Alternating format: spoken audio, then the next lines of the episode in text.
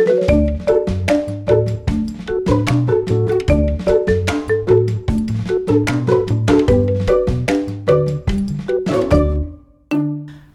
vara blödarsjuk eller att ha en blödarsjukdom, ja, det betyder ju faktiskt ganska olika saker. Att diagnosen är en större eller mindre del av ens identitet. Sen kanske det inte har så stor betydelse i praktiken, men många människor med kroniska diagnoser tycker ändå att det är viktigt att ha en hållning och att andra personer i deras omgivning är med på den. En del vill kanske inte ens att man låtsas om diagnosen. Det är ämnet för vårt samtal i Blödigt värre idag, podcasten om livet med blödarsjukdom med mig, Johanna Powers Darlington. Den här podden görs i samarbete med CSL Bering och vi är jätteglada för att de gör det möjligt för oss att lyfta frågor som är viktiga både för de som har diagnoserna hemofili eller von Willebrands och för människor i deras närhet, släktingar, kompisar och kollegor. Vi hoppas kunna sprida kunskap och sticka hål på en del fördomar som finns om den här förr så dödliga sjukdomen, men som idag går att leva i stort sett normala liv med. För dig som halkat in på den här podden av nyfikenhet och som inte har någon jättestark koppling till blödarsjukdom kan jag berätta att det kommer en faktaruta på slutet. Men lyssna först på ett spännande samtal med två som vet allt om vad det handlar om. Idag gästas vi av Patrik Tomenius och Magnus Jones. Välkomna! Tack så mycket. Tack, tack. Eh, ni har valt att ha eh, lite olika attityd till det faktum att ni har diagnosen blödarsjukdom. Och det ska vi prata mer om. Men jag tänkte först att ni ska få berätta lite mer om er själva. Vilka är ni? Jag heter Magnus Jones och eh, jag är 19 år gammal. Jag bor eh, i Vällingby men eh, är uppvuxen i Hökarängen eh, söder om Stockholm. Och som liten spelade jag väldigt mycket fotboll, ehm, umgås väldigt mycket med vänner. Ehm, ja, en glad kille bara helt enkelt. Jag. En skön kille. En skön kille. Och du då Patrik? Ja, jag är 26 år gammal och eh, uppväxt norr om Stockholm i Vallentuna. Eh, Har också spelat fotboll faktiskt i 14 år. Så en stor del av uppväxten och sen började jag cykla landsväg. Eh, Så jag är precis klar med en examen på universitetet så att eh, ja, också mycket vänner. Mycket vänner inom förbundet som kanske lyssnar nu. Okej. Mm. Mm. Två, killar, två sportiga killar med mycket kompisar. Mhm, kan man väl säga. Eh, när blev ni först medvetna om att ni hade en problematik som inte alla andra har? Ja, det var nog eh, när, vi, när man upptäckte att man hade en hjälm på huvudet som inte alla andra hade tror jag. På dagis? Någon? Ja, Ja. på dagis. Det var mycket, även mycket att man fick åka vagnar som andra gick och så. Så att jag tror att då kanske man också kopplar något till lite sådär. Mm. Minns du när du förstod mer om vad, eh, vad det handlade om? Alltså, jag minns att man fick göra andra saker. Till exempel åka på barnlägret. Jag var, jag var där första gången jag var sju tror jag. Och sen man kommer ihåg när man var där. Men jag vet inte om jag liksom upp, alltså förstod hela innebörden av det. Utan man visste ju att okej, jag har någonting. Eh, och jag åker på det här och jag brukar liksom gå familjekonferenserna och det ena och det andra. Sen såklart så tror jag också man upptäckte liksom, okej man tar medicin varje dag och det gör nog ganska ont och sådär. Att det är en dålig sida av det hela. Du då? Minns du när du förstod att det Ehm, var... Det finns inga specifika minnen direkt. Men eh, det, det, det är väl det här med att man, man bar hjälm på dagis och, och, och sen att man gick till Karolinska en gång varje, varje sju månader. Eh, och därför varje år så var det något lite mer som satte sig i huvudet liksom. Utan till sist smälter in liksom. Man blir när man är fullt medvetande sen när man kommer upp lite i åldern. Ehm, och verkligen inser vad det är. Och så det, det är egentligen då man inser i helhet vad, vad blödarsjuka är och att man måste ha medicinen. För att liksom, man, kan inte, man kommer inte kunna klara sig annars. Ehm, Men om, ni måste ju varit en, de enda på, på förskolan som hade hjälm. Hur reagerar kompisarna på det? Kommer ni ihåg det? Um, nej men det, när man är i den där åldern och så, så det blir bara en rolig grej helt enkelt. Uh, jag, jag minns speciellt när, när man fick, man fick välja design till sin egen hjälm eh, och så. uh, och då hade jag en, en blå-orange eh, hjälm och jag, jag var så stolt över den liksom. Och sen när man kom liksom cyklandes där på, på gården där bredvid dagiset så kommer liksom alla kompisarna och så Visst, de, de, de, tyckte det var, de tyckte det var coolt och så liksom. Och jag, jag själv, jag, jag tyckte också det var att ha på, att ha på mig hjälm och så. Visst, kanske inte var rolig, så roligt i, liksom, i alla fall. Alltså, speciellt när det är varmt ute och så. Men eh, det, det där med att ha en egen design och så på hjälmen, jag tyckte det var väldigt coolt. Speciellt i den åldern och så. Mm. Mm. Ja, jag kommer inte ihåg alls, jag måste fråga mina föräldrar om det här. Men eh, jag tror, vad jag hört ifrån dem, att det inte var något negativt. Det inte, ja, vänner och så, de reagerade väl ganska positivt, nyfikna och frågande och, och så där tog det ganska bra tror jag. När slutar man ha hjälm? Det är väl när man är, när, det är när man är i den här åldern när man helt enkelt inte när man inte kan ha kontroll över sig själv. Jag, när, jag var, när jag var fram till, upp till 5-6 år gammal tror jag, ja. så, så bara jag hjälm. Och eh, ja, det var väl helt enkelt för att eh, personalen kan inte hålla ett öga 24-7 på, på mig på, på dagiset. Hur tror ni att eh, eh blödarsjukan har påverkat, påverkat era personligheter? Patrik? Jag kan inte tala om vad som har skapat vad, men jag kan säga vad som har präglat mig.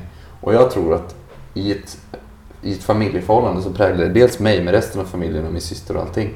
Att vi åkte in till sjukhuset väldigt, väldigt ofta. Att man fick uppmärksamheten där av eh, flera sjuksköterskor och läkare och sånt där. Eh, och eh, att det fortsatte sen liksom, med uppmärksamhet på olika sätt. På dagis och efter i sex år som min egen assistent och sådär. Att man liksom hade någonting, alltså alltid lite extra uppmärksamhet och så. Det måste såklart ha präglat. Och sen i vår familj så var vi också öppna med liksom att alla har någonting. Jag har mitt och min syster har sitt. Och sen tror jag att vidare så har man ju fått vara med på världskonferenser och sådär och träffat blödarsjuka med mm, som inte kommer från, från västvärlden och hur de lever. Det har också präglat en och gjort en lite mer ödmjuk till det. Eh, men sen tror jag också att den uppmärksamheten är gjort. Och det faktum att man har blödarsjuka och många säger att ja, men man kanske inte ska göra det här och man kanske ska sitta på bänken gör att man, man testar sig hela tiden lite längre. Så man testar, i vår familj sa vi alltid att man ska testa allting en gång. Funkar det inte, ja men då vet man att det inte funkar och så funkar det då kör man vidare. Så det har präglat mig ganska mycket. Att idag så testar jag allt. Funkar det så funkar det. Mm. det alltså allt? I allt. studier och ja, utmaningar? Så det har jag med väldigt mycket av. Tror, tror du att det har påverkat dig mer positivt eller mer negativt? Jag ser det som en väldigt positiv egenskap på mig. Att man vågar testa, man gör mycket nytt och sådär. Och att man är öppen för mycket, har ett annat perspektiv. Ser jag som mycket positivt faktiskt. Uh, ja, du då Magnus, hur har det påverkat dig? Mm, jag skulle säga att det har påverkat mig negativt och positivt. Ehm, man, man får uppleva väldigt många grejer i de yngre tonåren och så där, när man kommer upp i tonåren också. Man får gå på kollo och sen är det andra aktiviteter och sådär. Ehm, sen själva personligheten och så. Jag skulle säga att man, man, när man väl liksom öppnar sig om liksom, kring vad blödarsjuka är och så Speciellt när det är, när det är nära vänner och sånt. Mm. Det blir en annan tillit. Det blir, det blir en annan också gemenskap på ett sätt. Jag, mm. jag ska uttrycka mig riktigt. Uh, ja. Ja. Ja, det, alltså. det kan jag känna också. Man kommer lite närmare. Ja. Mm. Om vi ska prata lite mer om det här med identiteten. Mm. Du Patrik, du är ju väldigt öppen med din diagnos och aktiv i patientföreningen och sådär. Har du alltid varit så öppen? Jag har alltid varit så öppen om någon har frågat. Eh, jag har egentligen aldrig känt eh, att jag... Eh, vad ska man säga? Jag har alltid varit öppen med det och om någon frågat haft intresse att prata om det. Liksom så. Och mer med åren tror jag. Ehm, men det är alltid, det ska alltid komma naturligt. Jag har aldrig sagt det bara för att säga det. Så jag har aldrig sagt det i en konversation bara för att skapa en konversation eller vilja prata om det.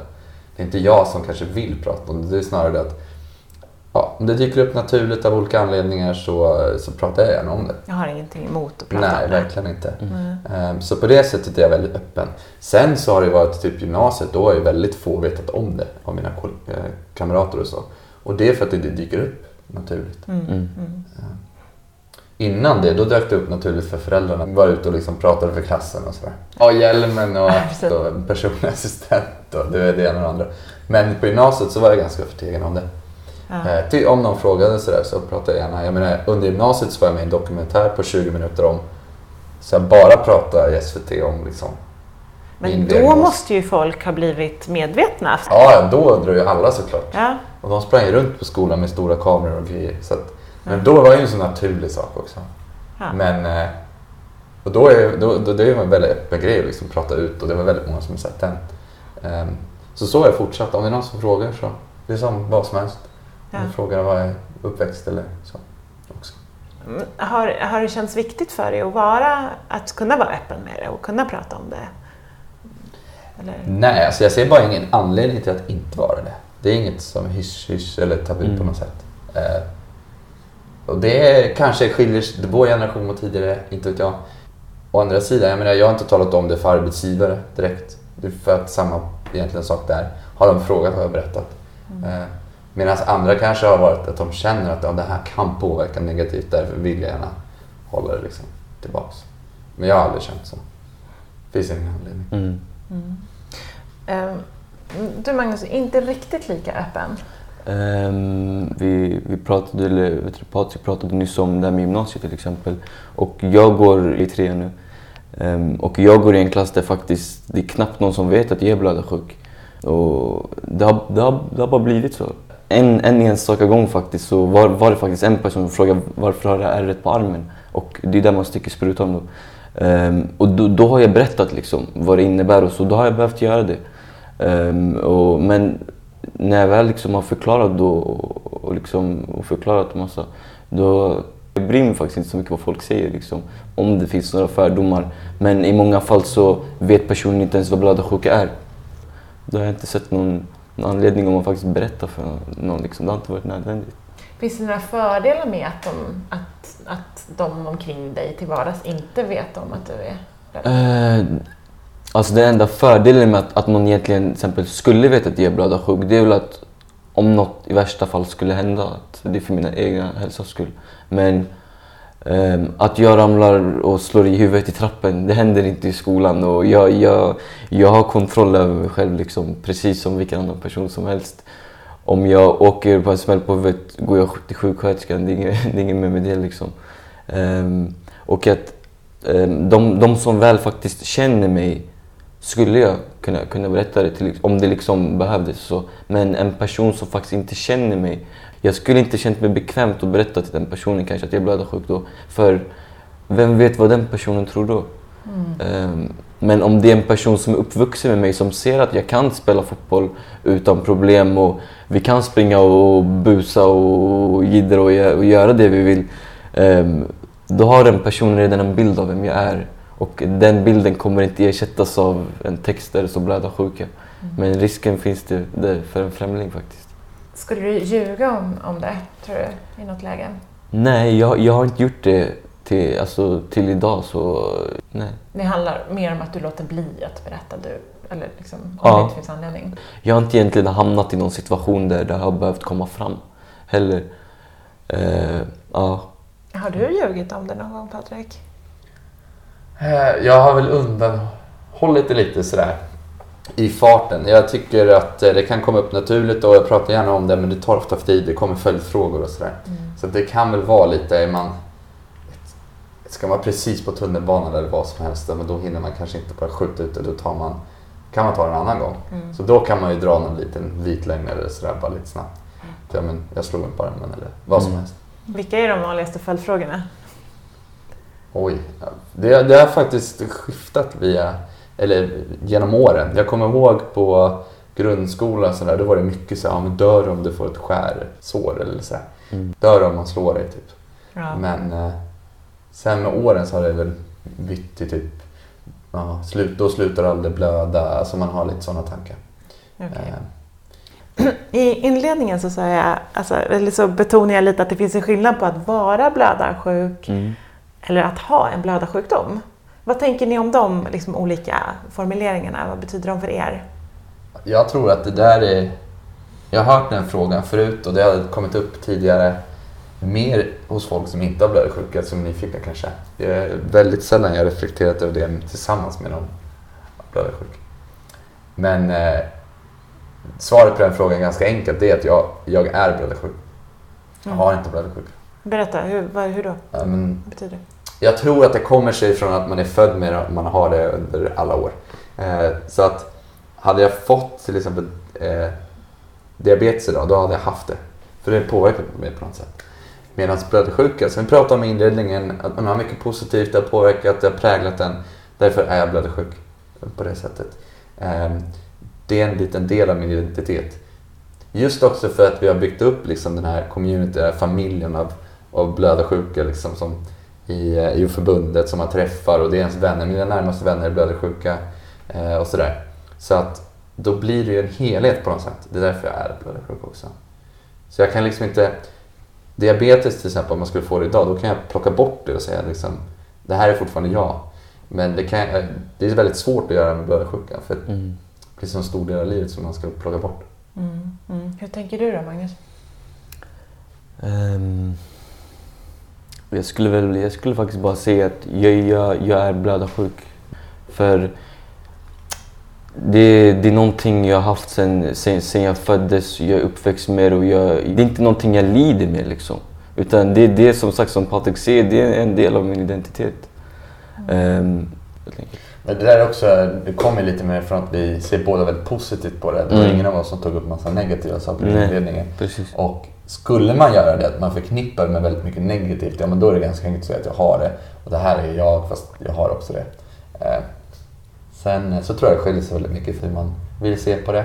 Eh, hur mycket man tror att det kan ha påverkat och sådär. Eh, Har du som är aktiv, har du mött, möter du liksom många som mer eh, har blödarsjuka än som är? Nej, i förbundet så tror jag jag möter de flesta som är. Ja, Men eh, nu talar jag verkligen inte för alla. nej. Eh, det finns många som säger att de har också. Ehm, Händer det att du till och med glömmer bort då, ja, att, du, att, att, att du är blödarsjuk då? Ja, alltså för det... Det har ju... Numera, lever man med blödarsjuka idag i Sverige så, så, så är det inte så stor del av vardagen. Man bara borstar tänderna man sin medicin på morgonen. Och sen lever man resten av Mm. dagen. Och så när de frågar till exempel om man går till tandläkaren, ögonklinik eller sådär. Liksom, är du sjuk, har du, tar du mediciner och sådär. Så brukar jag säga nej, jag är ju helt frisk. Jag har ingenting annat. Ta inte medicin för någonting egentligen. Mm. Jag ser inte riktigt... Det kommer väl också från lång- långa diskussioner i vår familj att eh, huruvida vi ser på medicineringen, om det liksom är en medicin, om vi betraktar oss som sjuka på det sättet. Eh, Eller om vi liksom tar någonting vi saknar bara, som, liksom, som fyller på. Eh, Och det är därför så, sådär när de frågar på ögonkliniker och så, så är jag inte sjuk, jag tar ingenting. Jag tar ingen medicin just nu. För jag antar ju att de menar liksom någonting som kan påverka den medicinen jag ska få där. Så då, det, det kommer inte ens upp i huvudet att jag ska nämna det, så då nämner jag oftast inte det. Och då är ibland så dyker det upp, för att man kanske hos min nuvarande tandläkare så går man ju under väldigt många år, så då har det dykt upp såklart. Eh, Men annars så, så kan det hända att jag missar och bara säger det. Ja. Men när, ni, när, det kommer, alltså när det kommer fram eller ni helt enkelt berättar eller när det, ja, när det kommer fram att ni är blödarsjuka, någon får reda på det för första gången, hur brukar, hur brukar personerna reagera? Um, det första personen brukar är att bara ställa, att, att ställa lite mer följdfrågor och sånt där. Typ. Efter man har förklarat liksom allt vad det innebär du vet, med, med medicineringen och hur, hur det hjälper mig och i vilka lägen till exempel de kanske borde veta att jag är blödarsjuk. Och de väl smälter, då är det inget mer, alltså det är inget mer med det efteråt liksom.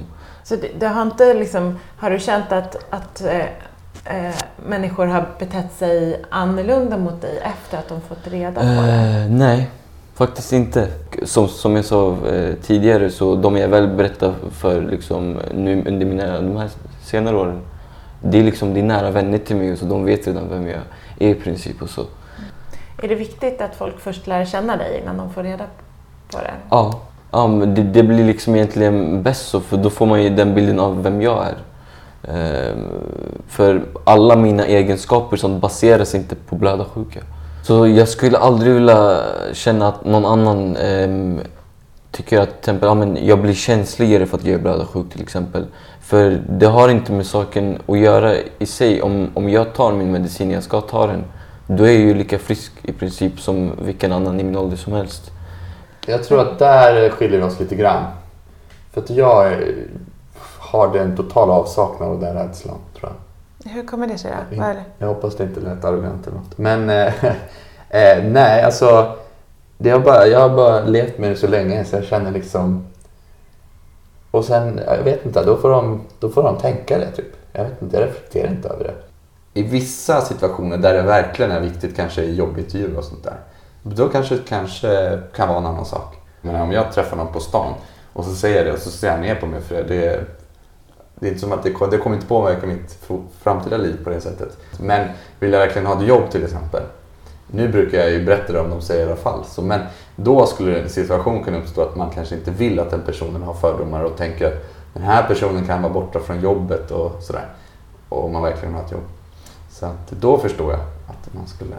Men det måste, ju det måste ju vara jobbigt och alltid vara på något sätt lite beredd på att få dra för en föreläsning om vad det är. Ni måste ju ha, berättat, ha dragit Ja. den här föreläsningen hundra miljoner gånger. Mm. Fast det känns som att man blir liksom ännu mer typ tryggare i det man säger varje gång man säger det faktiskt. Och Och man så- kan säga det kortare och kortare. Du vet, Ja, I början tror jag jag precis. pratade mycket längre om det. Precis. Och nu säger jag bara nej, men det är inte något konstigt. Den medicinen säger jag som vanligt. Så tänker de, ja, ja men vad bra. Ehm, att ha hemofili och få en Willebrands det innebär ju att man bär på gener som för vidare. Och det är ju såklart en fråga som man måste lyfta om man träffar någon och kanske vill ha barn med den personen. Eh, hur tänker ni kring det här? Ja, för det första så blir det ju inte mina barn som, som kommer ha diagnosen svår blödarsjuka. För ja, i 50% av fallen om jag får en tjej så kan det bli bärare. Det är väl that's it. Och sen i nästa led så kan det bli ett, med hemofili.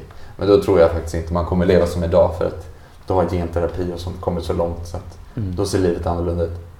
Ehm, Så att det är ingenting jag tänker på alls egentligen. Förutom det att det jag vet inte, jag kanske tar lite för lättvindigt på det hela. Men eh, hur jag ser på det där i alla fall, det är ju att jag tycker det är tråkigt. Att just jag inte kommer föra det vidare. Ja. Ja, det är lite omvänt. För att jag har ju haft det jättetrevligt under min uppväxt med barnläger, ungdomsträffar och grejer. Och det kommer inte mina barn få uppleva.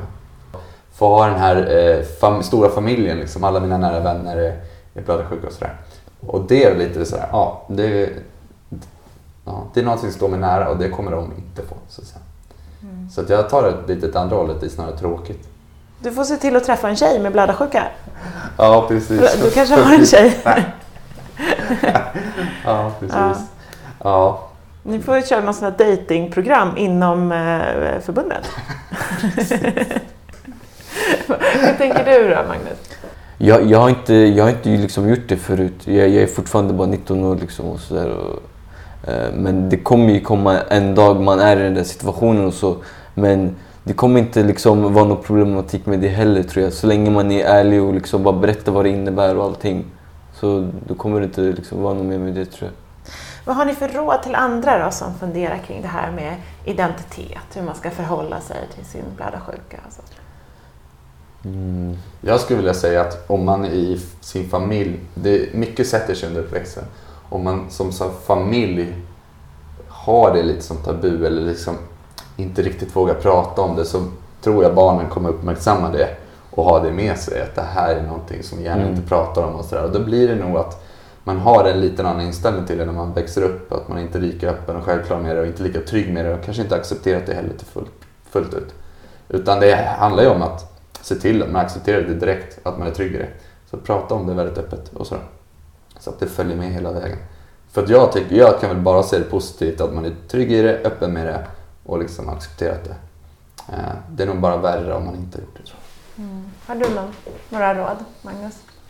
Mm, jag skulle säga så här, om man själv känner att man, att man, man känner sig kanske ensam i det eller någonting. Att, att det, man liksom kanske inte träffar, det är inte några i sin omgivning som har blödarsjuka. För så var det kanske mycket för mig i början. Utan det var, det var faktiskt först jag gick på kollo så där som eh, det var en riktigt stor ögonöppnare faktiskt. Eh, när man faktiskt träffar eh, andra personer så som, är, som är i samma sits och också tar medicin mot blödarsjuka. Då, om man bara liksom får göra det man vill och ha roligt och så. Det blir, det blir en annan känsla igen. Man får ett större självförtroende igen och det liksom, man, man mår bättre helt enkelt. Det, det var vad jag gjorde i alla fall. Um, uh, för jag, jag kunde känna lite först att, ja men visst, jag, jag, jag har liksom aldrig träffat någon som har blödarsjuka och sådär. Um, undrar hur det är för någon annan som har blödarsjuka och så. Jag vet inte vad som är vanligt och inte vanligt tänkte jag liksom. Men sen så, sen när jag väl fick träffa andra och så, så det blev, man fick liksom, man fick många nya perspektiv att se från. Så, Mm. så det är någonting jag skulle liksom tipsa om att gå på aktiviteter, träffa andra som, som är i samma sits. Eh, ja. Vad spännande det har varit att prata med er. Tack snälla för att ni kom hit. Yes, inga Tack problem. själv. Det var jättetrevligt att få prata lite. Varken Magnus eller Patrik verkar tycka att det är så särskilt jobbigt att prata om sin blödarsjuka, även om de inte gärna tar upp det utan att ha fått en direkt fråga om det. Båda identifierar sig ju som blödarsjuka och Patrik tyckte till och med att det är ett plus att det har varit någonting väldigt positivt för honom, något som gett honom väldigt mycket positiva erfarenheter i alla fall. Rolf Ljung, du är läkare och en av landets främsta experter på hemofili. Hur typiska är Patriks och Magnus berättelser skulle du säga? Jag tror de är ganska vanliga för unga blödarsjuka personer. Jag tror det är lite skillnad så att säga, på de yngre och på de äldre. På vilket sätt? Ja, de äldre har ju upplevt på ett annat sätt eh, blödarsjuka med blödningar som inte man kunde behandla när de var små på 40-50-talet. Och de unga har ju vuxit upp med förebyggande behandling så länge de kan minnas tillbaka. Och fungerar den, ja då, då fungerar man ju som en frisk individ. Så jag tror erfarenheten där är väldigt olika från den äldre till den yngre generationen. Eh, jag funderar, om man funderar på det här med eh, identiteten också som, som kroniker. Eh, är inställningen till sin, sjuk, till sin blödarsjuka, har det också med åldern att göra? Alltså en, en mognadsfråga, tänker jag. Till viss del. Jag tror det har väldigt stor betydelse på vilket sätt föräldrarna eh, hanterar eh, blödarsjuka när man är barn. Hur öppen man är. Man har ju hört om äldre blödarsjuka ibland har talat om att man inte så gärna ville tala om det i familjen och man var lite mer återhållsam. Medan jag tror en yngre generation är mer öppen idag tror jag pratar om även sådant som är, är sjukdomar. Hur kommer det sig? Har du funderat på det? Jag undrar om inte det är helt enkelt att vi är ett öppnare samhälle på något vis. Jag menar, vi är tillåtande och accepterande på väldigt många områden idag som inte vi var för ett par decennier sedan. Ja, Patrik berättade ju om att hela hans familj har varit väldigt engagerad Mm. och han pratade om eh, Blödarförbundet som Mm. nästan som en, del, som en, som en, som en familj. För- Föreningen Blödarsjuka i Sverige har ju varit oerhört viktig för att hjälpa de blödarsjuka på olika sätt. Och inte minst att känna identitet och känna att man inte är ensam i världen om detta. Mm. Är det någon ålder som du ser att blödarsjuka tycker att det är extra jobbigt? Ja, som, som barnläkare så gäller det ju egentligen nästan alla sjukdomar, det är tonåren. Tonåringen vill så att säga vara frisk, eh, attraktiv, hel, inte, inte vara sjuk. Och det är en jobbig period. För många, inte alla, men många. Vad säger du då, då till tonåringar som tycker att det är jobbigt? Försöker prata lite om det, vad det är för tankar de har. Ofta kommer det upp med att man kanske vill, eh, tycker det är jobbigt med den förebyggande behandlingen när man vill avbryta den. Och då brukar jag säga, lyssna och säga att ja, men varför inte prova en period och se? Och då blir de ofta oerhört förvånade för de förväntar sig att jag ska övertyga dem till varje pris att de ska fortsätta. Men ofta är det då att man känner att man själv får ta ett beslut över sin egen kropp och sin egen situation så är det nästan alltid så att det dröjer inte länge från beslutet är att man fortsätter Mm. och behandlar sig så som... Men jag tror det är viktigt detta att man känner att man har... Man får faktiskt lov att bestämma själv. Är det det som är en, en stor del av det som kan vara jobbigt överlag, tänker jag? Att vara, ha en kronisk sjukdom, att man liksom är mindre fri. Ja, och därför är det ju väldigt viktigt att man stimulerar barnen innan tonåring att de kan sticka sig själv och ge sig själv behandlingen. Så att man kan koppla bort föräldrarna och föräldraberoendet ifrån behandlingen. Det tror jag är en viktig bit. Och att man känner som tonåring att nu har jag själv ansvar för detta. Jag, jag vet vad det handlar om, jag kan tekniken och jag sköter min behandling. I vilken ålder brukar du, dina patienter, brukar du liksom börja prata om det här med, med dina patienter? Och deras ja, det är ofta våra sjuksköterskor som är jätteduktiga på det. Och, men det brukar vara någon gång i 10-11 års åldern. Um, jag funderar på om det inte är... Alltså, jag funderar på hur viktigt det är att personer i blödarsjukas omgivning vet om att man är blödarsjuk. Hur ska man tänka där? Är det viktigt idag? Jag tycker detta är, man kan nog se det från två håll. Va? Det är klart att man går i skolan är det viktigt kanske att läraren och skolsköterskan vet det. Men jag är inte säker på att eh, de barn som idag har en välfungerande förebyggande behandling, att klasskamraterna verkligen behöver veta detta. Eh, det handlar ju lite om en balans mellan att kunna bli förstådd om någonting händer eller man inte vill vara med i vissa lekar och det omvända att bli lite socialt stigmatiserad va, av att ha en sjukdom. Där får nog varje familj eh, försöka hitta en rätt balans beroende på vad det är för barn man har och, eh, och vad det är för skola och omgivningar man har. Jag tror inte att det finns en universal lösning på hur man förhåller sig. Öppenhet är bra men man ska också tänka på att själv har man ju en öppenhet och man kan hantera den. Men det är inte säkert att omgivningen har samma möjlighet att hantera öppenheten. Nej, precis. Och det som är viktigt idag det är ju att i en skolklass så har du ju väldigt många elever som har någon form av kronisk sjukdom. Ja. Allt från allergi till diabetes till lite mer sällsynta sjukdomar som detta. Kan man på något vis få upp det på som allmän kunskap att eh, många faktiskt har sjukdomar även i tidig ålder så tror jag mycket är vunnet. Mm, mm.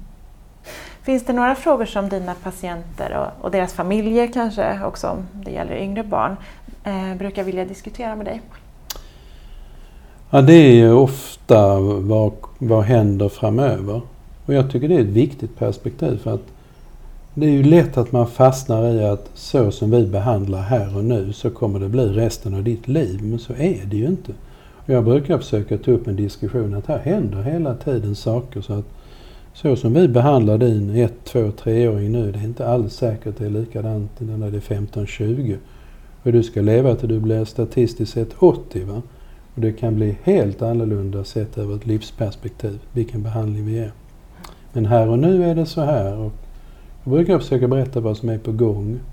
Jag tycker det ger ändå lite hopp att det är inte statiskt detta utan dynamiskt. Mm, mm. Tack Rolf Ljung för att vi fick prata med dig. Eh, tack för att du ville vara med. Tack själv, trevligt med att kunna bidra med något. Och nu, nu är det dags för den där faktarutan. Blödarsjukdom är ett samlingsnamn för flera sjukdomar som gör att blod inte levrar sig som det ska om man till exempel gjort sig illa. Men dessutom uppstår blödningar helt spontant, bland annat i lederna vilket kan leda till invaliditet. Men också i muskler, mag-tarmsystem, i huden och på andra ställen. Fast med rätt behandling och lite försiktighet kan de flesta leva ganska normala liv med arbete och aktiv fritid. Behandlingen går ut på att man injicerar den koagulationsfaktor som kroppen saknar. För mildare former av blödarsjukdom kan det räcka med en tablett eller nässpray som stoppar blödningen. De vanligaste blödarsjukdomarna är hemofili A, hemofili B och von Willebrands sjukdom. I Sverige finns totalt ungefär 900 personer med hemofili, nästan alla är män, och ett par tusen som har von Willebrands sjukdom. Fast det kan vara många fler. De som har milda former av sjukdomarna vet inte alltid om det. Vill du veta mer? Fortsätt lyssna på Blödigt värre. Du hittar oss på blödigtvärre.se. Och på Patientföreningen för blödarsjukas hemsida, FBIS, finns mer information. Och där kan du också beställa informationsmaterial och böcker. Om du vill komma i kontakt med oss, till exempel om du har tips på sånt du vill höra mer om i podden, mejla till redaktionen.sverige.cslbering.com. Alltså redaktionen.sverige.cslbering.com och Bering stavas med H. Jag heter Johanna Powers Darlington och producent för podden är Estrid Bengtsdotter. Vi vill också tacka CSL Bering som tack vare sitt stöd gör den här podden möjlig. Hej då! Thank you.